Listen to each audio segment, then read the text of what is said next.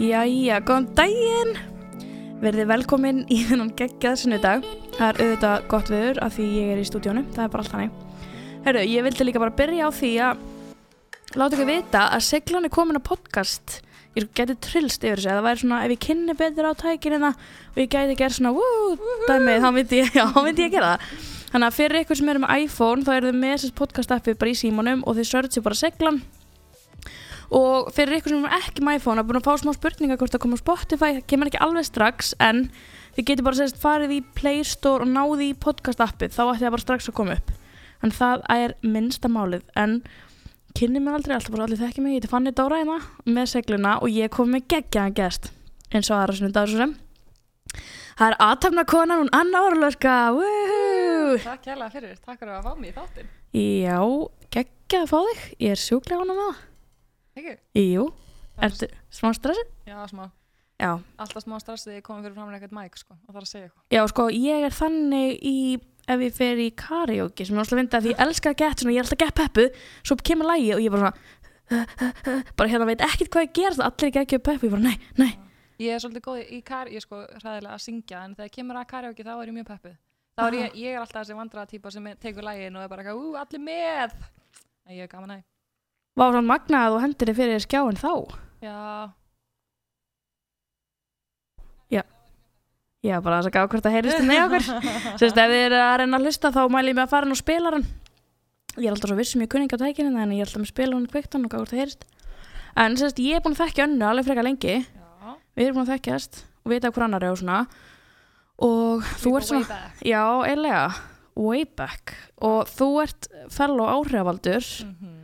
Fyrirverandi ungur í Ísland Já, Og, og ert við, hvað myndur þú segja, við bara stjórn sko kallum allir að ég sé veislustjóri. Já, það er svona smá miskilling sko því að ég tek ekki að mér að hérna, veislustýra en ég tek að mér að skipulegja veislur. Já, og svona, ég segi alltaf bara event planner, ég veit ekki alveg hvað er íslenska orðið yfir það. Nei, nú er ég eftir að hugsa. Það. Það sagði ykkur við mig að spurði ykkur spurningar í það. Og þá kom ykkur svona gott orðið yfir það. já, Ég maður svo ekki. Og þú ert þess með orlóska event já og búin að vera með það, hvað er að vera að koma ár?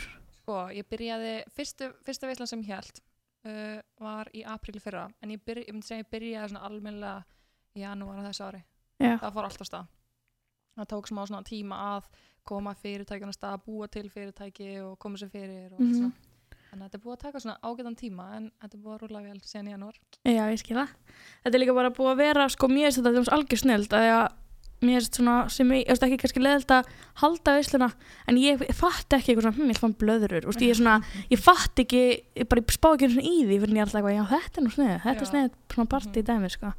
Það er gaman að halda veislu. það er geggjað það er eiginlega skemmtilegast að við, við þessa vinnu er að bara svona þegar veislan er byrjuð og allir eru komin saman og bara svona allir að skemmt sig ekki vel þá er ég bara geðveikt þetta er nákvæmlega ástæða fyrir að gera þetta En hver ekki var kveikjan á fyrirtækinu? Hvað, hvernig ferðu frá því að þú, þú veist, bara því sem þú ert að gera yfir í ákveð að gera þetta? Það er svona, að kannski ekki mjög þekkt á Íslandi að það geti verið heilt fyrirtæki kringum veislur. Algjörlega, sko hérna ég byrjaði að vinna fyrir CP Reykjavík sem er bara eitt staðstu viðbrafyrirtækjum á Íslandi og var hjá þeim í smá tíma og hérna það var bara geggjað og ég var búin að tala um það eitthvað við nökkva kærastum minna hérna að ég hafði ekki eitthvað áhuga á þessu af því ég hef alltaf verið gett svona lost eitthvað hvað ég ger í lífinu og Mm við -hmm. erum svolítið að finna mig sko Tengi. þannig að þegar við töluðum gett mig, tökum svona djúpar samræðir þá hérna bara svona hvað finnst mér skemmtilegast að gera og þá var þetta einhvern veginn niðurstaðan bara að hérna sjá um vislur að skreita og skipulegja og allt það þannig að já, einhvern veginn kom hugmyndan frá því og ég fór að vinna á CP Reykjavík og það var bara geggjað, ógeðslega gaman. Og hérna svo einhvern veginn kom tækifæri að halda stóra vislu fyrir hana Sonju, nei fyrir ekki, það var á, undan því var að hérna Melkorka sem var einmitt í áttunni Já. og vinkona hennar Sigrún. Þannig að ég fekk að halda hérna ammælisveislu fyrir þær og það hefnaðast bara svo ógustlega vel að einhvern veginn fór bara boltinn að rúla eftir það. Ok. bara geggjað sko. Þannig að það var mitt april fyrra. Fyrsta veisla sem ég held það var fyrir þær tvær. Vá, nú er þetta bara risastórt. Það ég er alltaf að heyra um bara hvað það geggja og ég kom í nokkra veislu sjálf og er alltaf. Já, og alltaf svona, ég ætla ekki að reyna, ekki að reyna að fara sjálf og hafa það veislu, það myndi ekki mega neitt þess. Er bara hafa samband um mig. Já, nákvæmlega. Já, og ég fekk nefnilega sko, og það ég spurði þess að ég spyr alltaf á Instagram hjá mér hvort að fólk vilja hafa eitthvað spurningar. Mér er svo gaman að þess hlustendur getur haft ykkur áhrif á Endilega. og þá sé ég bara kærast minn spyr mig hvernig myndir halda geggja 25 ára veislu, ég er á 25 ára næsta ári. Ég er svona, hmm, það er ekkert eins og reyna að halda surprise veislu, ég veit bara þessu strax. En þú er haldið svona, þú er svona Q&A með svona Já, og hvað þú veist, ég fekk að líka margar spurningar alltaf, hvað er verðið Já, og hvernig, veist, hvernig, hvernig hvað sérðu mikinn hluta og það er svo ótrúlega viðtækt eða ekki Mhm, algjörlega, algjörlega. Þú veist, alltaf þegar ég fæ spurningu bara svona, hæ, hérna, hvað kostar veisla? Þá, það er ekki neitt eitt svar. Það fer bara algjörlega eftir hvað manneskjan vill. En hérna, uh, og veislunar er mjög mismunandi, en ég finn fyrir því að, þú veist, fólk sér eitthvað eina veislu og þá er það bara, meðan þessi veisla geggja og ég til í að fá bara basically Mhm. alveg eins veislu.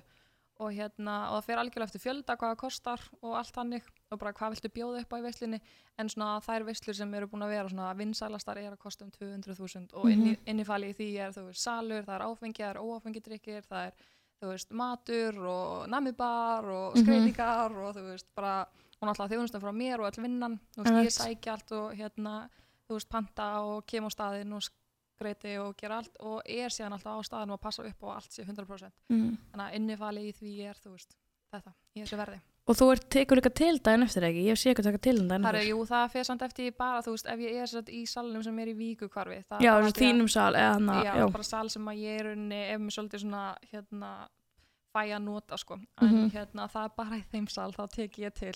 Annars, hérna, ef það, eru, ef það eru stærri salir, þá er alltaf bara þrif innifalin í þeim sal sem að já, í. einmitt En að, hérna, mér finnst það mestu plúsin sko já, Þú veist, ég myndi alveg borga bara frekar mikið af pinningum bara til að ég þurfti ekki að taka til já, eftir partí já, já, já, ég, hérna, þegar ég held upp á, hvað var það, 24 ára ammæli mitt, þá held ég mitt svona risa veislu, sko, til þess að ég tók allt upp og síndi frá því. Mhm. Þú komst þeim við? já, það var geggja Já, trillt og það var ógæðislega mikið af græjum og alls konar dóti sem var í veislunni og hérna þar sem ég var ekki sjálf í veislunni að þú veist ganga frá og allir bara njóta með vinnum Mhm. það var alveg sko ég bjóst ekki við því en vinni mínir eru bara algjörir sko bara ekki sérstaklega þrifalegt fólk er einmitt. Þannig að hérna daginn eftir var ég bara, ég var sko í þrjá eða fjóra daga bara svona að ganga Oh frá öllu, bara að skúra aftur og aftur og aftur og þrýfa konfetti eða svo sprengdi ég eitthvað kampænsflösku sem var algjör mistök að gerast algjörlega óvart og það fór allt í loftið þannig ég þurfti að skúra loftið og það var hrikalegt sko það var geðveikt já, það var enda geðið ég veit ekki hvernig maður á að toppa 25 ára veislinu sína ammælisveislu eftir þetta sko. Nei, ég líka bara, myndi bara aldrei halda hana partí, þú veist, þú, þú þú þyrt, næsta þurft að vera bara eitthvað svona erlendis eða eitthvað, þetta var svakalega veisla. já það var geggjað, ég var mjög ánað með þetta mjög ánað sko Og hvernig finnst þér, þú veist, að vera svona ung og hvað, þú, ert, já, komin í, ert ekki 95, 94? Nei, ég er 94, ég Já. var 25 ára núna í óttúber Já, þú ert 25 núna í ár. Það stýttist í að ég fa- þurfa Oh að halda upp á God. 25 ára veisluna. Þú hefur alveg hálft ári á planu mín, Já, alltaf. það er góð tími. En hvernig finnst þér að vera svona, þú veist, þú ert náttúrulega bara 25 ára Mhm. í svona stórum business sem að er kannski erfitt að navigeta þessi sjálfur svolítið einn í, þú ert bara reykur fyrirtækitt einu það ekki. Jú, ég er reyndar, ég er alveg með gott fólk í kringum Ok. mig. Ég hérna er með, þú veist, ég er með gjaldgera og, og svona bókara og þá sem eru með mér, þú veist, í þessu sem er eitthvað sem ég kann ekki, sem ég kann ekki sjálf á, Já, sko. ég skilji. En ég er alveg með fólk sem er að, þú veist, hjálpa mér að stýra og svona kenna mér á hvernig maður á að reyka fyrirtæki að því að því það er eitthvað sem ég kann ekki, sko. Já, Ég er alltaf að segja bara, hvað þarf ég að gera þetta, hvað get ég ekki bara að gera sem að ég ekki að góð í, skilji, en þú veist, það er bara partur að eiga fyrirtæki og Mhm. hérna, já, að að, að þetta stakki og verði ennþá flottara og betra og allt. Ég veit, við tökum kannski tvei-þrjú lög og svo langum við að fara eins dýbra inn í sérst ungfrú Íslandferlið. En ég var tó, tók alveg svolítið mikið þátti með þér því ég var að fara það á samtíma þú varst að taka þátt. Og, og það var það mjög áhugavert og þú er mjög áhuga að vera sín á allt þetta ferlið. En ég heldur tökum kannski smá pásu. Ég hveti ykkur til að koma ykkur vel fyrir alltaf að fá sér vasklas eða fara í rækta Jæja, við erum komin aftur. Ég vona að þessi búin að koma ykkur vel bara, bara búin að koma ykkur vel fyrir af því að við ætlum að fara að kama að stýpra í umræðina Anna er mjög spennt í síðan og það er að tala nær mæknum við heyrum ekki alveg þér. Já, flott. Get ég fært hann svona, mm já, svona, já, þetta er. Já, nú getur til að vera þessi róleri sko. Já, sko, þú tekur þátt í Ungfrú Ísland hvenar fyrir 2016, 2016, ok. Sem eru 2016 og þú vinnur keppna Já. Og hvernig, veist, ef þú lýsir þessu ferla því að, sko fegurðarsamkefnir eru náttúrulega ekkert með eitthvað það er ekkert rosalega svona, með ekkert gott reppa á sér Nei. en núna hef ég verið tvisvarsunum svona baksviðs og hef alveg verið algjörlega þar að finnast þetta ekki veist, ef ekki verið að finnast þetta málið sko, en tvisvarsunum verið baksviðs á svona keppni og alltaf bara svona, vá, þetta er svo klára stelpur flotta stelpur og ekki með þetta eitthvað Mhm. og mér finnst þetta sjúklega áhugavert Já. mér finnst mjög áhugavert hvað veist, hvað það er veist, af hverju stelpur vilja taka þátt í þessu? Veist, hvað það er, ég málega ég var krakki það var bara svona eina sem ég langaði var að vera ungur í Ísland. Og svo varð ég bara aldrei herrin 150 skilur. En hérna líka til að byrja strax að segja að þú veist að ég sem krakki fylgdist aldrei með Ungfrú Ísland. Nei. Ég þú veist, ég man eftir að þegar Unnubyrna vann það bara því að þú veist, hún vann Miss World. Mm það er einu sem ég man það er bara svona allir vita. Já, en annars horfði ég persónulega aldrei á það og þú veist, ég, ald, eða, þú veist, jú, ég var algjör prinsessa sem krakki, ég sko Mhm. alltaf með kórununa og eitthvað, en ekkert eitthvað sem ég, veist, hugsaði að, veist, ég ætlaði eitthvað að keppa í Ungfyr Ísland og þegar mér böðist að keppa, hérna, var spurt hvort ég, já, ég var spurt hvort ég vildi taka þátt, Mhm. þá kló ég bara, já, ég var bara, haha, einmitt og fyndi eitthvað, ég, hérna, að taka þátt í þessu. eitt En svo bara af ykkur ástæði þá bara ákvæði ég að hérna, já bara keira á það og þetta var bara ógæðislega gaman, ógæðislega skemmtlegt ferli og þú veist, ótrúlega mismunandi hver- hvernig stelpur upplifa þetta ferli en fyrir mig akkurat var þetta bara geggjað eignaðist geðveitt góða vinkonur sem ég er með bara þú veist dagstaglega í dag mm sem var bara geða þakklátt fyrir og bara, já, þetta var bara ógæðislega gaman. Miklu skemmtilega, veist, ma- ég vissi kannski ekki almennilega hvað ég var að fara út í, ég veit það ekki en það var bara einhvern veginn miklu Mhm. meira svona þú veist, svo mikill félagskapur að vera alltaf að, þú veist, fara að hitta stelpunar og gera eitthvað saman og þú veist mæta á þessar göngaðingar sem fólk gerir mikið grín af sko, mm þegar að mæta göngaðingar en það var bara eitthvað skemmtilega sem ég gerði það var alltaf bara á þessum æfingum og bara eitthvað dansandi og fýblast og þú veist, Mhm. það var bara geðvægt skemmtilegt sko. og núna náttúrulega nökku fjólaður, náttúrulega kærasti þinn og Já. við tölum svolítið um að senast þessu nundag bara hvernig maður á að díla við neikvæða komment Mhm. Þú veist, hvernig er að vera keppandi í svona keppni og sjá í veist, fjölmjölum og kommentum og svona hvað svona neikvæða hlutin á þessu þegar líka fólk kannski hefur ekki sjálft tekið þátt í þessu Mhm. og skilur svona kannski ekki alveg út á hvað þetta gengur Mhm, algjörlega, algjörlega ég hérna sko, hvað maður eiginlega að byrja ég persónulega hérna að því að ég hef hann eitthvað þá er ég Mhm. með geðveitt stórt bak sko og svona, hann stiði geð mikið við mig og búin að hjálpa mér mikið sko hvernig ég á að díla við þú veist þegar fólk er að segja eitthvað leðilegt en sem betur fyrir hef ég bara verið ekki að heppin eða Mhm. ég bara ég þú veist hef ekkert lent oft í eitthvað svona ógslega erfiðum kommentum en alveg þú veist það er svona nokkur atriði sem svona sitja í manni sem ég fannst ógslega erfið og þá var það því að það var svona ekki persónlegt á mig en ekki sem bara eitthvað keppanda í Ungfrú Ísland mm -hmm. að að þegar verið að setja út að þú veist að þú sett keppandi í Ungfrú Ísland þá er ég bara eitthvað svona já já þú veist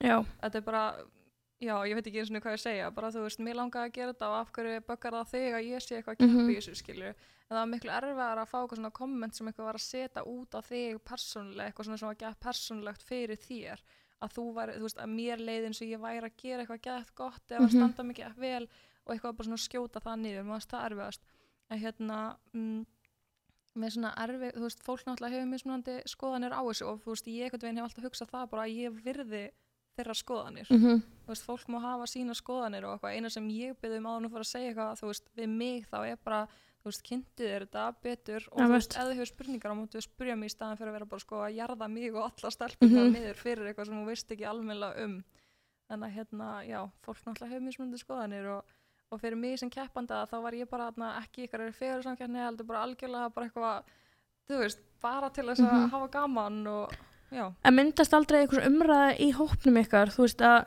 veist, fegur er svo ótrúlega afstætt Mhm. hugtak, þú veist, fegur fyrir mér er ekki að sama og fegur fyrir þér algjörlega og hvernig dómnefnd getur þú veist, myndast Mhm. aldrei svona umræða bara hvernig, eða þú veist hvernig raunverulega þetta er kannski ekki takt við nútíman Mhm. að því ég sko, mér finnst það sem mér finnst kefni gera mjög vel eru svo bara góðgera samtökin sem þú þetta vera Mhm. mm vekja mikla aðtegla og sagan þín sem kannski kom inn á eftir Mhm. Og allt þetta og, og bara svona sjálfstörsti sem maður sé á stelpunum og allt Mhm. þetta Mhm. þú veist, uh, kannski mér finnst það mjög flott en svona fegur sem hugtaka er svo afstætt og við rættum Mhm. þetta því við sérst, þú ert nýjútskriður Reykjavík Mikuskúl til hamingju og trúlega flott og ég var að kenna um daginn og Mhm. við svona fórum smá út af þetta og virtist vera smá algjörlega. og svona varð svona smá spenna við fundum Mhm. það báðar Mhm. og við vorum báðar svona að reyna bara að drepa umræðina af því að sko það myndaði smá svona svona spenni í hópnum og fólk hefur rosalega sterkar skoðanir Já, einmitt. Hérna, margar spurningar einn spurningu já, einmitt. Hérna, sko, eins og ég sagði áðan, ég, ég reyna alltaf að virða skoðanir Mhm. annara því að fólk bara, þú veist, hefur mismunandi skoðanir. En það eina sem ég get sagt, þú veist, út á allt þetta er bara, þú veist, svo lengi sem að mér leiði vel og ég var að hafa gaman þá, þú veist, og ég var í rauninni ekki að gera neitt þess að særa neitt annan, að það sé ekki mikilvægt í þessu að, þú veist, að maður er ekki að gera neitt sem að, þú veist, í rauninni að, einmitt, gera einhverjum öðrum eitthvað Mhm. og fólk einhvern veginn verður svo, svona, einmitt þetta að að vera að tala um og sem að keppast um fegur fyrir mér fór ég aldrei og bara ef ég get tala fyrir alla stelpunar þá var enginn, þú veist, við tókum aldrei þessu umræðu eitthvað um hver væri fallegust eða þú veist, þetta var Mhm. ekki neitt svoleiðis og þeir sem að voru yfir, þú veist, með keppnina Arnær var náttúrulega svo sem að krýndi og þú veist, hún talaði mikið um að þetta væri svo, þetta væri svo breytt, þetta er ekki lengur þessi típiska fegursamkefni Mhm. eins og þú veist, til dæmis það unnubyrna vann. Þetta var svo miklu meira og sérstaklega fyrir okkar að keppa í Ungfrú Ísland ef ég get bara, því þetta er þú veist, keppnin sem ég keppti í mm þá er Ungfrú Ísland svo sem vinnur hana fór, fer í hérna Miss World og Miss World er núna, þú veist, í dag svo allt, allt öðru sem það var, veist, það er eins og ekki bikini hérna í keppninni og þú veist, Mhm. þetta eru miklu svona minni keppnir í einni stóri keppni, við kepptum í, þú veist, íþróttum og við kepptum í, þú veist, talent og það var hérna, uh, það var eitthvað svona fashion og bara svona, þú veist, og góðgera svona, allir voru með góðgera verkefni og þú veist, þegar ég sjálf fór út í Miss World, þá voru, þú veist, góðgera verkefni sem stelpuna voru að gera bara, þú veist, maður var bara orðlaus af því að þú veist, þetta er svo miklu meiri svona eins og góðgera samtök heldur en Mhm. eitthvað að keppast í fegur, sko og já, og þú veist, ég á að segja sjálf og get ég get sagt eitthvað að ég hafi verið fallegast að stelpan af hópnum og ég hafi unnið en þú veist, þegar ég lít tilbaka þá lagði ég mér svo ógæðislega mikið fram og ég, þú veist, vissi að ég gæti skilað 100% í, þú veist, eitthvað gott Mhm. skilur við, þannig að hérna já, ég veit ekki, ég er bara skilja. ána með, með þú veist, það sem ég skila allavega frá mér. Mm Og þú hefur vel talað um það að þú, þú, þú skammar þín ekki fyrir titilin, þú, þú berðan alveg mjög vel og, og Mhm. krýnir, hvað, þú krýnir Ólafíu það ekki svo, jú. Já, vinkun þeina mm og það er hann já, þá var ég mitt líka að fara það ég, var komin þrjú Mhm. ára já, ok, allavega. Og þú veist, þú ert ekki þú ert ekki felaði fyrir þessu? Þú ert bara búin að gera svo magna út frá þessu. Ég, þú veist, sem ég segi alltaf, ég væri örgulega ekki að sita, ég myndi ekki sita í þessum stóri Mhm. dag að spjalla þig, hefði ég örgulega ekki tekið þátt í þessu, sko, af því að þetta er bara búið að koma mér svo langt og einhvern veginn bara svona, Mhm. þú veist, ég, svona sem er fyrirtæki mitt, þú veist, það heiti Orlofska, eins og að fólk þekki nafni mitt Orlofska út frá, þú veist, keppninni, mm að, já, þetta er búið að gefa mér ótrúlega, að gefa mér ótrúlega mikið og þú veist, það segir ekki að margir að þetta sé svona stökkpallur. Já, og þetta er algjörlega sem að mér finnst að þetta hafi verið fyrir mig, sko. ég held að sé líka bara með allt svona að ef maður nýtir það rétt þá Mhm. getur maður gert svo margt gott af því að svo þau margir geta verið í þinnu stöðu og ekkert nýtt sér þetta og Mhm. ekkert tekið þetta eins og þú veist, þau hefðu geta gert eins og þú gerir við þetta Mhm, mhm. bara fer svo rosa mikið eftir í hvert maður nýtir tækifærin sem að mann er gefin sko. 100% það er alveg þannig sko og þú sérst ert þá í eða, sérst, þegar þú ert að keppa þá er góðgerðsamtöngin þín sem að þú ert að stiðja í hvernig atkvarfið já, kvennaðkvarfið þá og, ég að sapna pening fyrir hvernig atkvarfið já, og þú ert mjög opinn með það að þú hefur sérst, þið, þú og mamma þín og sýsti þín mín. já, hafið þurft að leita í kvennaðkvarfið þegar þú varst Já. yngri. Mm -hmm. og þú varst alveg mjög opinn með það í keppni var það ekkert, fannst þér það ekki líka að gera þig smá svona mannlegri fyrir fólki sem að vissi ekki hver þú varst? Jú, það var sko í rauninni bara eftir að ég var að hérna, að því þegar ég var að keppa í Ungur Ísland þá talaði ég aldrei um þetta eitthvað þannig sko en Nei. það var bara einhvern veginn svona þegar ég vann titilinn og þú veist þurft að fara að grafa einhvern veginn dýpra og ákveða þess að góðgerar verkefni eða starf sem að ég vildi einhvern veginn svona fara í já, þá bara vissi ég strax að hvernig atkvarfið þú veist væri eitthvað sem að ég vildi veist vinna í og gera fyrir þannig að hérna já það var ekkert erfitt val sko og ég talaði mikið um mömmu mína og sýstu mínar um þetta því að þú veist þetta er ekkert bara þú veist mitt skilur, Nei, þetta er líka þeirra og þetta er miklu meira þeirra heldur en mitt af því að þú veist ég man ekkert eftir ég hafa að vera þarna. Ég man bara svona þú veist bara svona sögur og þannig sem að þær hafa sagt mig þú veist mamma man eftir þessu skilur og elsta sýstu mín og svo hinn sýstu mín þú veist líka svona en hérna þannig að þú veist þetta er miklu meira svona finnst með þeirra saga sem að ég fekk að segja frá eða þannig.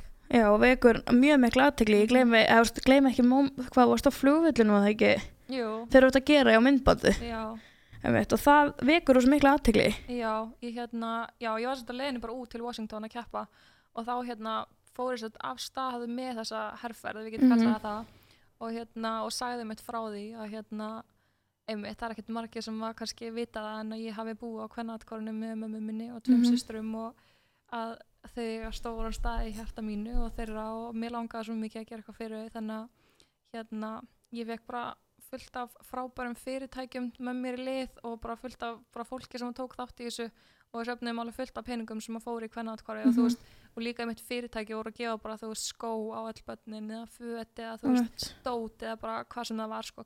hérna hérna það var bara gæðvögt, bara ómyndalegt og eftir að ég kom heim síðan úr keppninni þá þú veist langaði mig að halda áfram langaði ekkert að þetta væri bara eitthvað búið þú Nei, þannig að hérna þá fór ég bara svona ennþá meira þú veist að gera eitthvað fyrir þau og hérna fór í alls konar viðtöl. Og þá eitthvað veginn held ég fyrst þegar ég fór í satt ég fór í sjómasviðtal á hérna ég man ekki núna hvað það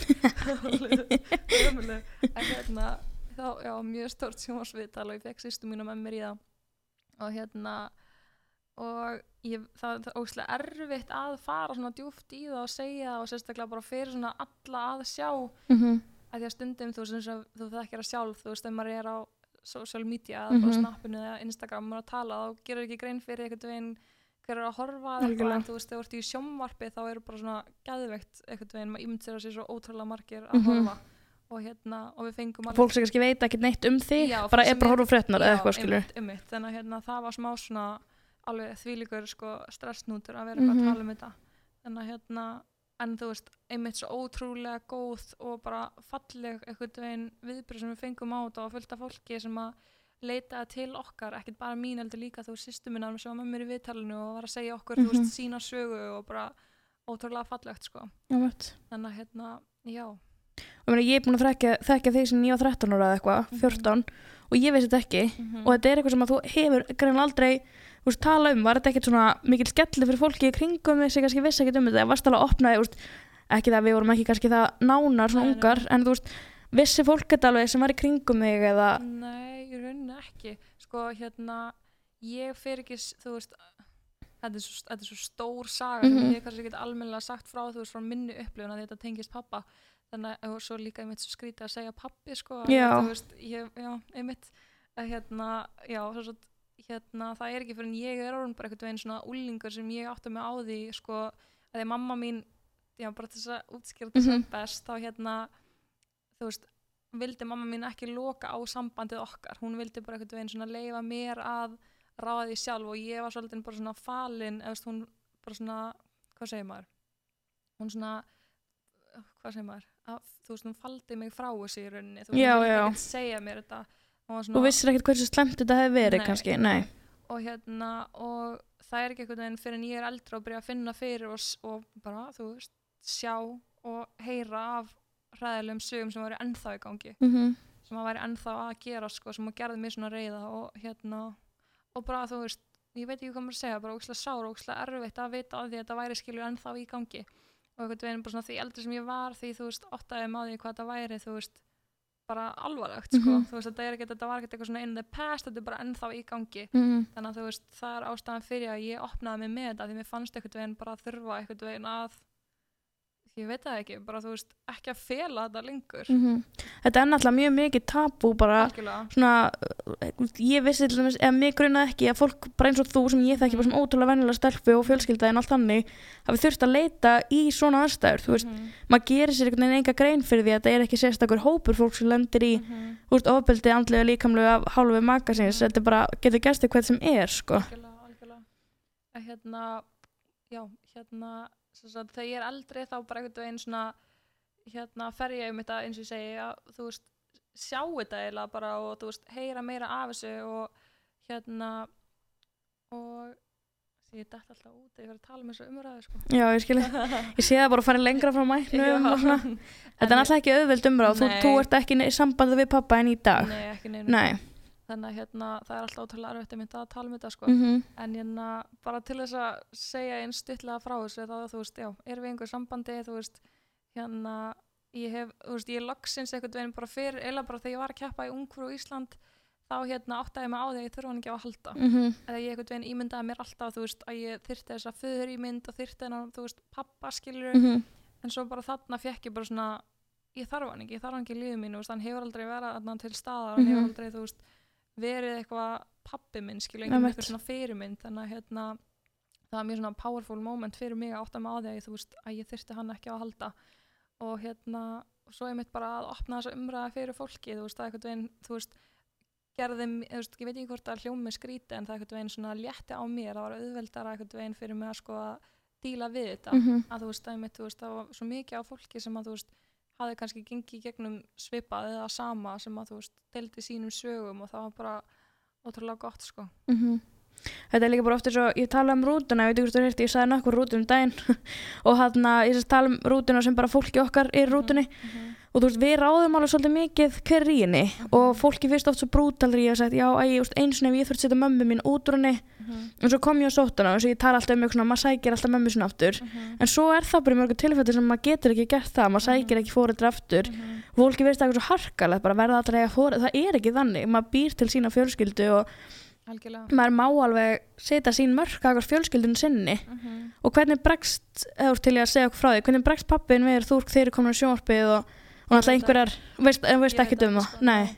Ef ég bara alveg hreinskilja Já. og opnum mig með það þá hérna hef ég ekki talað við hann síðan þá. Ég talaði við hann nokkur dögum fyrir keppnina og það moment einmitt sem ég sagði að hann var gett powerful fyrir mig að ég fekk bara svona, slefti bara takinu er að því að hann bara sagði ógislega hluti við mig sko. mhm, og þá fekk ég bara svona pff, þú, veist, þú veist, þetta vil ég ekki í lífið mínu sko. mhm, þannig að eftir þetta þá einmitt bara þú veist, hef ég ekkert talað við hann en þú veist þetta er svo brenglað sko, að bara svo mikið þú veist, svona svo einmitt ég vann þennan titil mhm. og þá leta hann mála risa málverka mér með kórunum og allt saman en samt já, óskaði mér aldrei til hamingju með titilinn skilur Einmitt. þetta er bara svona gett eitrað eitthvað já svona eitthvað veikt samband eða skilur, sem er ekki til staðar. Þannig að hérna, já, ég hef ekki verið í neinu sambandi við hann síðan þá og þú veist, hann hefur ekkert reynda á samband við mig og það hefur verið ókslega erfitt, þú veist, það er búið að vera ókslega erfitt að, þú veist, vera að opna þessa umræð og segja frá Mhm. þessu en svo, þú veist, er ég innst inni ennþá að díla við það, þú veist, ég er ennþá bara svona að reyna að loka eitthvað veginn alveg á þetta og eitthvað og ég sem sagt, er búin að vera að skrifa bref já, ok, ég ger þetta líka ég skrifa bref til hann sem ég er ennþá að vinna í og ógæðislega erfitt með að klára þetta bref Mhm. og ég er bara svona já, ég er að sparka í rassinu að mér að klára þetta Mhm. bref bara þannig að ég sé eitthvað veginn búin að koma þessu frá mér og bara ég veit ekkert hvort ég sendur hann þetta bref eða ekki Nei, en einmitt. þú veist, ég er allavega að skrifa niður þú veist, allar hugsanir bara til þess að koma svo frá mér sko. Mhm. þannig að hérna, ég held að ég, þá, ég þarf að drífa mig að klára það allir þess að finna fyrir þessu svona já, ég er líka bara að mæla með að þeir sem eru að hlusta að gera þetta Mhm. ég ger þetta alveg ég ger þetta alveg oft ef að, Mhm. þú veist, ég bara þeir fylgjast mér á Instagram viti, veist, ég ætla að fá mér hund og svona drama ykkur um það. Mhm. ég skrifaði bara bregð til hans, bara hve- hvernig og það var svo miklu létt af mér. Og ég sagði þetta við Tómas líka sem að kærastu minn, ég sagði bara, þú veist ef það er eitthvað sem að er erfitt á mill okkar Mhm. en því kannski finnst ekki þess virði að konfronta eitthvað, ekki það að við konfrontum allt sem það er að gera að skrifa það í brefi til mín og það þarf aldrei að senda. Þú þarf aldrei að sína með það eða neitt, en bara letta af manni sjálfum. Mhm. ég ætla að mæli með ef það er hlusta að taka þessu ráði því að þetta er svo geðveikt frelsandi sko. Mhm. og bara einmitt, Svo þótt þú sterkt farir skrifað aldrei niður á blað, þú já, farir þótt þú sendir þetta aldrei sko. Mhm. Einmitt. og þú, sérst, ef við förum bara út frá því þú ert þess mamma þín er pólsk Já, og þú kenn, hefur alltaf verið bara Anna Lára Orlóska ég sagt er, sko ég er ennþá í dag Anna Lára Sigurðardóttir Orlofska ok, en ég nota ekki það nátt og ég er eiginlega bara að býða eftir að vegabröðu mitt og allt hérna renna út þannig að ég get nafn út ok en að hérna, já, ég ætla bara að vera og er Anna Lára Orlofska, Mhm. ég er stolt og ég fekk einmitt mjög skemmtilega spurningu sem ég sagði frá áðana því ég var Mhm. svona, ég var ekki alveg viss hvort það væri við hæfa minnast að eða eitthvað svona, ég var ekki, mér fannst það eitthvað skrítið spurning Mhm. en samt er hún alveg rögur því þú ert alveg mjög stolt að því að vera pólsk og þú felur það ekki fyrir neinum menn þú hefðir alveg getað tekið bara upp Sigurðardóttir og Mhm. aldrei minnst á Mhm, Orlóska en, mhm. En það er samt svo mikið hluti af þér og og hún, líka bara til að segja, stinga inn í Já. þú fyrir hlustendu að þú veist, ég notaði Orlofska alveg langt áður en þú veist, ég lokaði á pappa minn já, Þú veist, ég var ekkert eitthvað að lokaði á Sigurðardóttir út af honum þetta var ekki þannig, þú veist, heldur ég hef bara alltaf verið bara gett stolt að vera með Mhm. þetta nafn og líka gaman að segja frá því, þú veist, mamma mín er sko að ala okkur systnar upp við það að þú veist að við hefum verið sko stoltar á ættanafninu okkar að það sé Mhm. svo gett powerful og þú veist, vonandi er einhverjir pólskir hérna, að hlusta hérna á að því að Orlovska merkir örn og Ok. örn er gett svona powerful ættanafn en þú veist, við tölum mjög mikið um það að þú veist, það er með alls konar skrítina ættanafn en við erum Mhm. svona einmitt mjög powerful ættanafn þannig að við erum mega stolt af því Mér finnst nefnilega ofta sorglegt þegar ég heyri að fólk sem að er sérst, bara títengt eða er að úst, öðru þjóðurni en bara íslensku skammi sín fyrir það. Mhm. og sé svona, maður he- hefur ekki heyrt það, ég veit ekki, nú er ég kannski móka einhvern en maður veit það samt ekki, en svona, vá, hún lítur nú ekki út fyrir pólsk, og ég ætla að byrja hvernig lítur fólk út, þú veist, ég fór þarna til Pólans og ég var ekkert eitthvað rosalega allir pólskir hérna, auðvitað er allir pólskir hérna. Að ég var segja, ég var einmitt bara í gæri við mömmu minna, er og ég fór um til Svíþjóður og allir svo rosalega sænskir Já, já, já. og hún eitthvað svona, einmitt, þau búið í Svíþjóð ég leið svona stereotypan af því sem maður ímynda sig allir svona hvítum blúsum og Mhm. ljósbláum galabúsum og svona snúð í hárun og svona skilur já. þess að finnst þér aldrei, þú veist, hefur aldrei lent í einhverjum áreiti eða einhverjum neikvæðum kommentum eða kringum ung frá Ísland þú veist, að vera hálf pólsk Mm, sko, ég lendi í mjög miklum fordumum sem krakki að vera pólsk. já, Ég veist, ég mun aldrei gleyma það og þú veist, þetta er svona eitt af kannski astnalegasta dæmi, en þú veist, einmitt, því man eftir því að ég var kallið Anna Polveri. Æ, hérna Anna Polveri, bara af eitthvað svona, veist, ég ekki að nefna henni nöfnina, en þú veist, ég heyrði þetta, þá var ég bara, ha, er þetta bara eitthvað sem ég er kölluð, Anna Mhm. Polveri?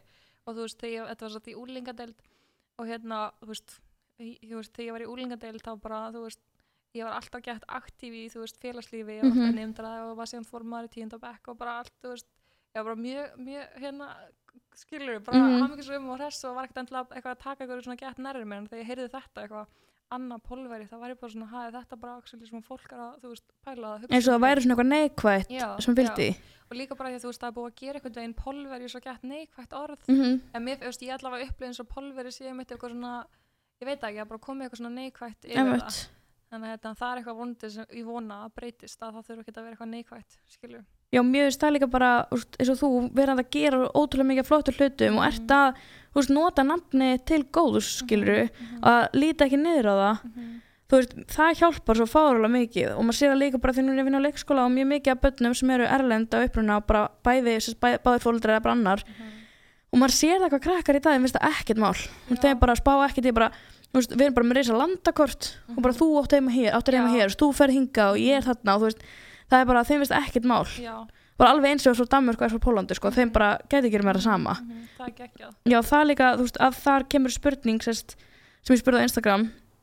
Bara finnst þér þú, veist, upplifið þú þið meira sem Íslending eða sem pólska, eða skilur svarið mitt er bara þannig að ég upplöfu mig, þú veist, ég veit ekki, það er ógst að skilta að segja, en þú veist, ég náttúrulega eins og ég var að segja þig, þú veist, ég hef búið allt mitt líf á Íslandi Mhm. og þú veist, ef, ég fæ oft fengið spurninguna hvort ég hugsa á íslensku eða pólsku, mér finnst það svolítið skemmtileg spurning, sko, en ég hugsa svolítið alltaf á íslensku og hérna, ég veit ekki, ég hef aldrei pælt í eitthvað almennilega hvort ég hugsa á pólsku mér þess að þegar ég er út í Pólandi, mm -hmm. en ég held einmitt ég hugsa um alltaf á íslensku sko. og hérna ég upplifum ekkert eitthvað meira svona eða svona þess að maður er bara, maður er bara bæðið skilur Mhm. og líka bara fá besta frá báðu þú veist, Mhm. Ég bara vildi óska þess að vera tvítingt, eða ég bara öfunda svo mikið börn og fullorna sem geta bara svona skipta á milli, ég bara, ah, mér er svo geggjað ég, ég er mjög þakklátt fyrir það mér mér bara, þú veist, mér er skeið cool að ég get talað bæðið pólsku og íslensku Mhm. og sérstaklega í dag sem er svona ótrúlega mikið á hérna pólsku fólki til Íslands að maður getur bara eitthvað veginn talað við Mhm. alla skilur, það Einmitt. er bara gett næst þannig að já, ég er bara gett stolt af því að það vera er pólsk gott Mhm. og ef við förum frekar spurningarna sem að fólk var að spurja sko, um, hafði fólk mjög áhuga samt um það bara hvernig þú og nökkvi kynntust. Mjög mikil áhuga sem um það sko. Já, hérna, ég fæ líka oft þessu mínum samfélagsmiðlum. hérna, já, svo að ég byrjaði að vinna í félagsmiðstöð, ég veit þessi ekki hvað, ég var, ég var 19 ára, það eru sex ár síðan, mm -hmm. ár síðan, þá hérna byrjaði ég að vinna í félagsmiðstöð og sem sagt, ég var að vinna í félagsmiðstöð sem ég var sjálf úlingur í. Mhm.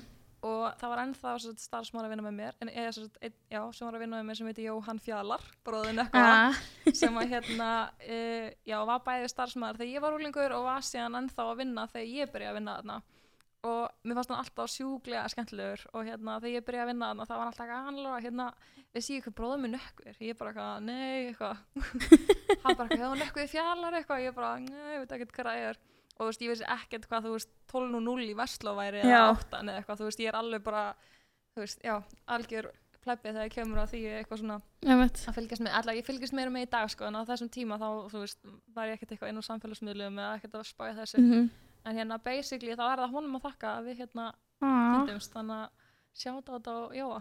Og þeir eru búin saman þegar sex ár? Nei, nei, nei, nei, þetta byrja ekki strax. Nei, ok, hérna, við svo, þetta var, þú veist, ég byrjaði þarna þegar ég var 19 ára en þegar ég var svona, ég veit að ekki, já, 20, 20, 21, 20, já, 20. Við erum búin, að- þetta er fymta árið okkar sem við erum að, þú veist, ganga í. Við erum Mhm. búin að saman í fjögur og hálft ár. ah, Þannig að, hérna, já, við kynntumst jólinn, þú veist, ég ángríns, ég er svo ömuleg með svona dagsetningar, en okkur er svo geðveitt góð með dagsetningar. Hann heyrir eitthvað lag, hann bara, já, 3. desember 2017, ég ætla bara, hvernig vistu það? Það er rosalega með svona dagsetningar, ég skilja það ekki oh my god ég er alltaf reglast, ég setti einhvern tíðan mynd á Instagram og er eitthvað kommenta eitthvað svona að skrifa skilur undir myndin eitthvað svona veist að við erum að ganga eða eitthvað fimm ára eitthvað, þú veist, ég veit það ekki og hann bara eitthvað annar það eru bara fjögur Já. þá taldi ég eitthvað vittlust því er svo vill auðli sko.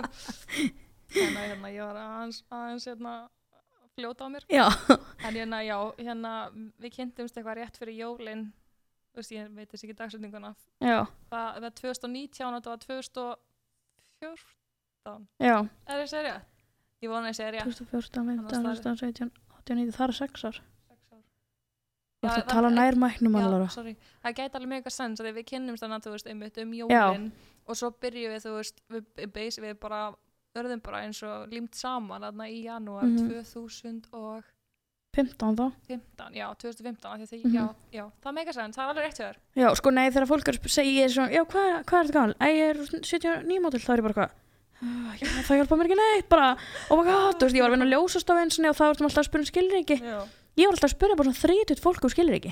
Ég sagði, maður sé ekki veist, ég líka bara gerir mér enga grein fyrir hvað neitt er Nei, ég gamall, er alveg eins fyrir mér er allir bara tvítur, þú veist, bara Já. svona allir bara kringum 25, einmitt, þú veist, ég er bara, ég er hrikaleg, sko. ég er ennþá tvítu Já, ég líka alltaf um daginn, alveg, já, fyrir sex árum síðan, Já. ég sagði mitt. mitt eitthvað bara í dag það var eitthvað, æ, já, en það gerast eitthvað um daginn eitthvað, þú veist, þetta var eitthvað, þú veist eitthvað, já, ég var að tala um eitthvað, eitthvað já, þetta var svona eitthvað, eitthvað bann vinkona mín var eignast, ekki vinkona mín er svona kunningi af vinkona, eitthvað, já, ég, þú veist um daginn, eitthvað, áttun eitthvað lit, litla stelpu, hann eitthvað, já eitt og hálft ára síðan eitthvað um daginn.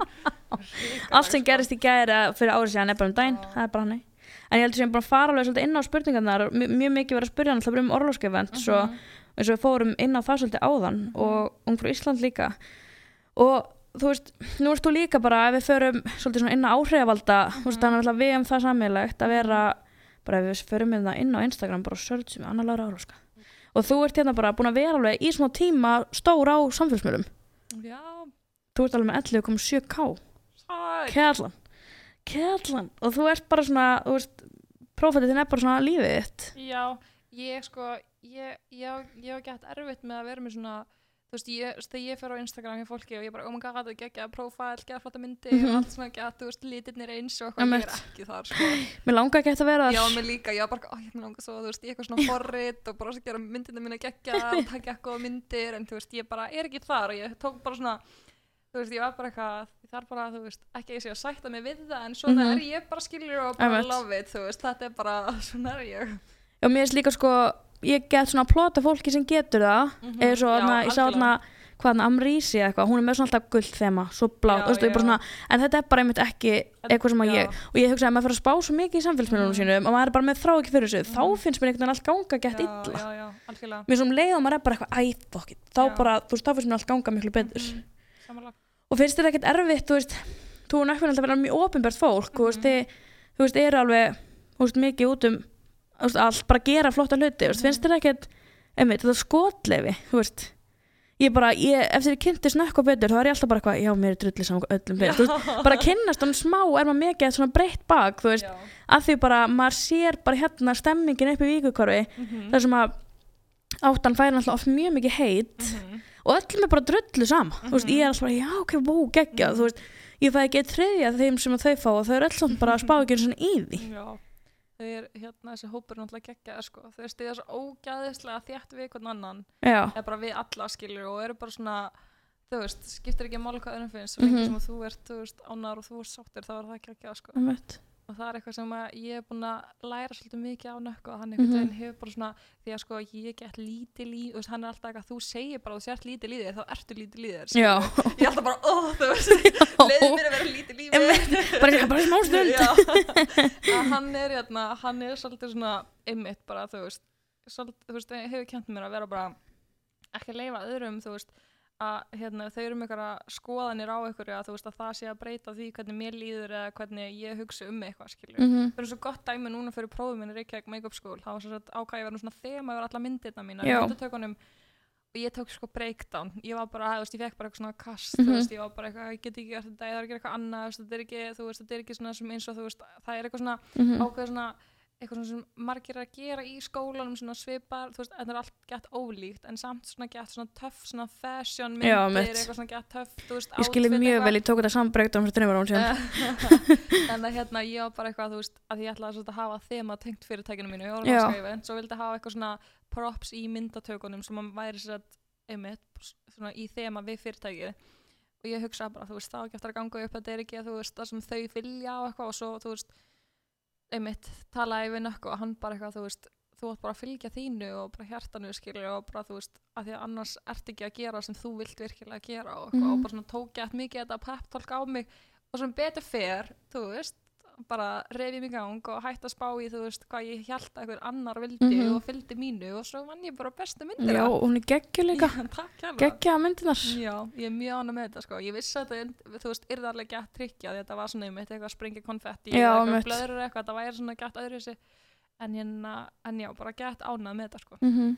Mjög ánað Það er líka bara, svo er bara eins og ef við bara kringum í Ísland og allt sem allir er að gera mm -hmm. Þú veist, sem maður sér bara, eins og með áttuna, þú veist, ég sé svona á, á hann á Twitter aðalega náttúrulega svolítið neikvægt oft, Mhm. sam, en neikvægt samfélag og, og það sé ég svona eitthvað, það er engar konur útarpi og það sé verið aldrei neitt sagt að ég sé útarpinu. Eða skilur, þú veist, þau Mhm. taka bara neikvæða Mhm. og svo sá ég eitthvað svona, það eru, eða eitthvað, topp 5 podcastin eru bara kallar í viðtölum eða eitthvað svona, ég man ekki hvernig það var. Mhm. en það er engi búin að vera eitthvað á geggjað. Þú veist, fann eitthvað um podcast, það er bara búin eitt strákur og bara konur, eða skilur Mhm. og þú veist, það er náttúrulega fólk tekur ofta neikvæða Já, og það setur það svona á neti þannig. Mhm. þeir sem eru neikvæðistir eru oft hæðstir þú veist, Já, það er þannig. Mm Því miður er það þannig. Já, mér fannst það bara einmitt, þú veist eins og hvernig bara, þú veist, núna er sérst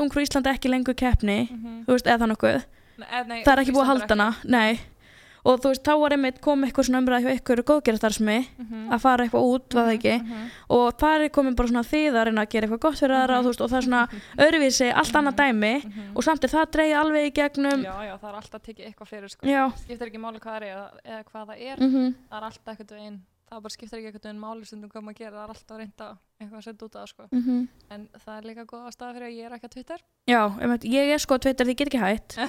Og ég er samt sko að því að ég veit ekki, mér er það svona smá skemmtilegu miðl sko, en ég Mm. fann að hann var gerðið með ógeðslega neikvæða tímbili, að því ég var bara ef ég las eitthvað svona, það voru náttúrulega rosalega mikið rakkanur áhrifalda Mhm, og ef ég las eitthvað, tók ég svo mikið inn á mig þótt að snýrist ekkit af mér mhm, að ég enda á að eyða því á tímbili sko. Mhm. og núna bara tekið öllu sem bara með fyrirvara. Þú veist, þú bara segir sem þú vilt, þú er þínu skoðun. Mhm, það kemur ekki mér og minni vinnu við. Mhm, fólki sem að, ég er náttúrulega endur svo ótrúlega oft í því að fólk sem búið að rakka áhrifaldar svo mikið niður á Twitter sendir mér svo skilabóð á Instagram, byggði mig um hjálpa, byggði mig um pepp eða, þú veist, ég er bara eitthvað, hm, hann kan ekki posta þessu, þú veist, Mhm, að ég er alltaf svo ótrúlega að fyndi hvað fólk getur gert mikið bak við síma sinn. ég veit það, það, það er ógst að því að þú veist, ég lendi í því skilur að fólk er að koma bara mér og segja þú veist, við mig ótrúlega fallega Mhm. hluti og gett peppandi, svo fyrir það á neti og segir eitthvað allt annað og ég er bara svona, þú veist Mhm. what? eða bara svona í, í álfurinni, þú veist,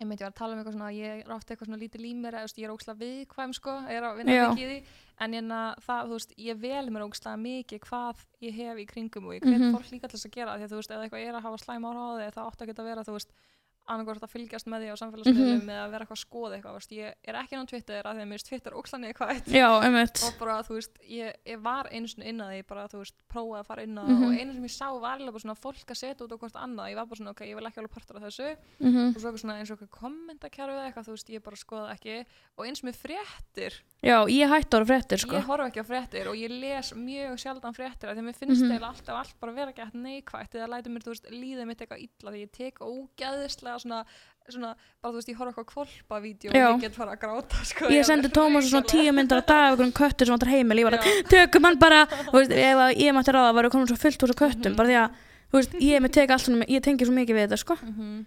Þannig að já, ég hérna vel mér ókslega mikið hvað hérna ég er að horfa á eða Mhm. lesa eða hvað sem það er þannig að ég hveti fólk til þess að gera það mér finnst svo mikið svona einmitt umræða líka ef við ferum út í það sko með samfélagsmiðla það sé svona gett slæmt eitthvað og Mhm. þú veist allir eitthvað svona og svona, svona og bara fólk er bara að reyna að finna eitthvað ástæð til þess að setja út á bara eitthvað veginn allt mm í staðan fyrir að bara einmitt, þú veist, velja sér eitthvað sem að það finnst skeggjað og hefur áhuga og lætur manni líða vel þú Einmitt. veist, átt að gera það svo ég, ég horf á Ellen á hverjum degi þegar ég vakna að ég elska Ellen, ég er alltaf að hlæja og brosa þegar ég horf á hana Mhm. sko.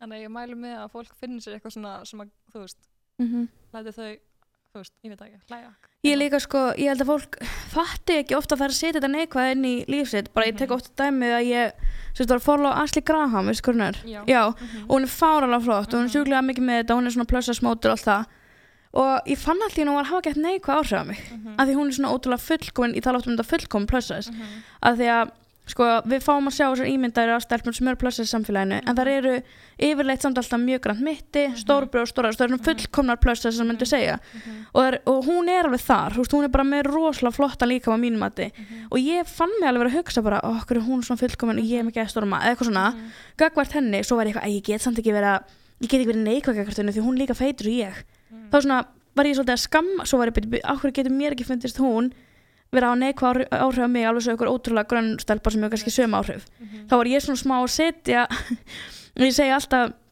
þú veist, ég er með svona fyrirlægt í grunnskólum þú veist, ef að þeir eru að follow einhvern sem að er hafa neikvað, þótt að sé ég þú veist, þótt að ykkur finnst ég þessi fullkomna granna, granna körfi stelpa skiluru þú veist, ef ykkur finnst ég verið að hafa þessi áhrif unfollow mig þá, Mhm. eða þú veist ef þessi típa er, það er á okkur lætur ykkur langa veist, líða illum líka mann ykkar, unfollowið, þú veist það er krafturinn sem við höfum. Þess vegna skil ég ekki okkur fólk tekur, þú veist ég veit, segjum bara tökum ferusangunir þú veist, ég er bara að tala ekki um þar eða skilur, þú veist, ef ég hef eitthvað sem að ég hérna, fíla ekki þann ost þá er ekki eitthvað, allir að hata þennan ost þú veist, gefa hann sko- vægi þegar samkvæmnir, ég tók eftir að voru allir að skýta yfir ungfrú Ísland, en það voru allir að horfa á já, einmitt, þú veist, ég hef aldrei í lífið mínu séð jafn háar tölur á Snapchat og Mhm. þegar ég var, þú veist, með snappið á ungfrú Ísland, þú veist, það var bara, einmitt. bara tölunar voru bara eitthvað, þú veist, fáránlega já, það voru allir að horfa, sko.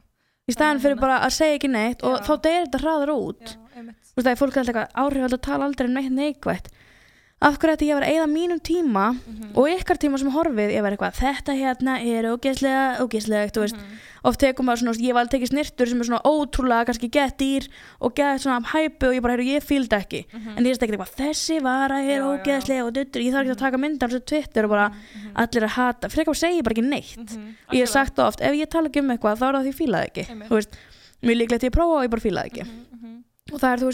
ekki, mjög bara ekki eins og þú þú veist, þú hefði ekki að tekið allt þetta neikvæð alltaf, þú veist, ertu ótrúlega ung í mjög erfið sambandi við pappa en og, Mhm. og bara margt erfitt búið að gerast hjá þér þú veist, bara eins og fólki skilur og það er svona, þú veist, mér svo magna þú veist, og berð algjörlega en að segla eiginleika fyrir mér allavega af því að þú þetta ekki berjað niður skilur Mhm. þú hefði getað verið bara allir sem sögðu ljóttu mig í fyrirsakefnum, ég ætla bara af samfélagsmiðlum, ég ætla bara ekki að gera neitt við þetta skilur þú veist, ég ætla hana ég fíla þetta döður Sömu leiðis, Takk. ég elska líka þetta nafn sem hún valdi fyrir þáttir Já. hérna, en ég ætla að segja hvað ætla að segja, segja ég er með svo að þetta út ég ætla að segja uh, kemur á eftir Já. það er bara, þú veist, það er eitthvað við þetta veist, það er svona, þess vegna valdi þetta nafn af því að fólk sem að kemur og let ekki þetta erfiða Nú hvað sig. ég ætla að segja. já, það ég er svo miklu meira veist, um að fólk sé að senda þér eitthvað fallegt Mhm. og þú veist, peppandi og hvetjandi meira peppandi og hvetjandi, er það ekki saman orð? jú, Þarna, mér er svona pepp með svona wow, veist, hvetandi svona úhú, eða skilur já, ég skilur mjög vel. En hérna, ég ætla að segja þú veist, það er svo miklu sterkara heldur en það slæma því oft, þú veist, er kannski bara eitt slæmt komment á móti, þú veist, mm hversu mörgum góðum skilur þannig að ég hef alltaf miklu meira þú veist, reynda fókusir á það góða heldur en neikvað, eins erfitt og það er skilur en Mhm. það er miklu meira af þessu góða í þið skilur, maður þarf bara að, að taka því og Mhm. þú veist og ég, man, ég man orðrétt öll neikvæðu skilabóðin sem ég fengið en ég man ekki orðrétt öll góðu skilabóðin sem ég er fengið.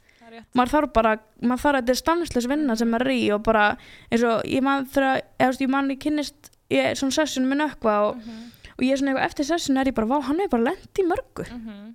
Ég held að líf hans hefði bara verið fullkomið Mhm. þá var ég bara svona að eru allir að berjast við Mhm. eitthvað sem hún veist ekki neitt um já og þú Mhm. ert bara eitthvað hm, hún er bara svona, hún er bara frábæli hún er bara fyrirtæki á einhverju Ísland, bara Mhm. alveg með þetta Mhm, og svo kannski ef maður er að kama þess dýpar og maður er bara, já, hefur ekki allt mhm. verið einfalt Algjörlega. og sömur eru svo algjörlega brotna undan álæginu sem að þú veist, þú hefur þurft að vera í svona rosa ung, þú veist Mhm.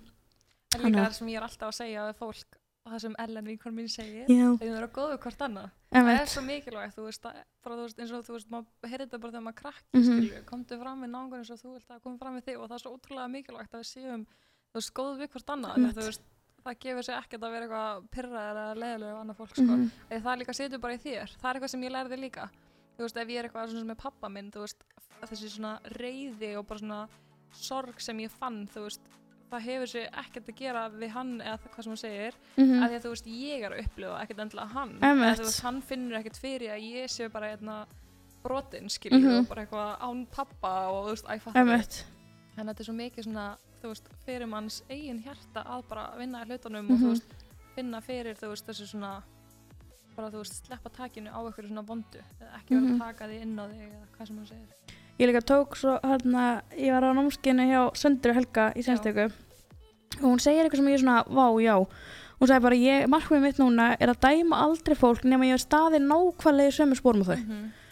og ég er eitthvað þegar maður er oft svona, vá, hún hefur fengið miklu betri spil í lífinu en ég, Mhm. þú veist, og ég hef alveg verið þar þegar maður er svona erfitt að sætta sig við það að vera í plussa, þú veist, svona, já, hún er grönn þannig að hún get, hefur fengið miklu betri spil í lífinu, þú veist, en svo var ég bara, ég hef ekki verið nákvæmlega sem hún stendur og mun aldrei vera, þannig hvernig get ég mögulega dæmt, þú veist, þessa manneski Mhm. og mér, svo, ég tók þetta svo mikið til mína því að maður, dettur, maður getur alveg dotti í hérna gýr bara við minnsta tilefni, sko, en maður er ekki alltaf að passa sig, Mhm. Mhm. þannig að ég held að ég kannski bara endum á því að vera góð hvert annað Að ég segja setningu sem mamma mín sagði alltaf. já, Hún sagði að við höfum kannski ekki mikið að þess við höfum með hvort annað, kærleikur og ást. að ég, ég hef gæsa hóð ég trillist, ég vil þakka önnu svo innilega fyrir að koma og þið getur fylgst með önnu á at Anna Lára Orlóska á Instagram, ég mæli mig að gera það. Hún er þakka mjög góð umræðum um prófin þín Reykjavík Já, meðskúl einmitt. fellow múa núna. Yes. Já, og mér langaði að setja eitthvað með verkefnin í vikuna því að ég var að hlusta á fyrsta podcast áttu minn og þá tók ég svona umræðu um bara andlega helsu og ég er svo flækot og brunkukum, ég get ekki hægt að hugsa. En mér langaði að senda eitthvað með verkefnin í vikuna því við vorum að tala um brefin að ef þið eru, ef þið eru með einhverju upplifun gagvart einhverjum, saman hvort séu þið sjálf eða fortíðar þið og það er eitthvað sem ég skrifa líka og bara fyrir gefðu fyrir til 12 ára stelpunar sem fór ekki í sund veist, skrifa bref til sjálf mín eða, eða maka eða fyrrvandi maka eða fóreldra eða sískina skrifa bref á blaði í tölvu eða hvað þið viljið gera og geima það alla vikuna til sunnudagi næsta lesa aftur og spá hvort þið finna eitthvað knúin til að senda það eða hvort þið eru búin að losa ykkur við þetta. Þannig að ég hveti ykkur ótrúlega mikið til að gera það það, þá er að losa svo mikið af ykkur bara að hverði eitthvað sem að skiptir ykkur ekki lengur máli. Ég vona að ég bara geði ykkur sunnudag. Mæli mig að þið fylgist með önnu á Instagram og mér að því að næsta við hérna næsta, þið munu geta haft áhrif á næsta þátt eins og þennan með því að spurja spurninga og það er ótrúlega skemmtilegt fyrir ykkur og fyrir mig að hafa eitthvað um að spjalla. Þannig að við sjáumst bara næsta sunnudag og fylgist með seglunni á podcasta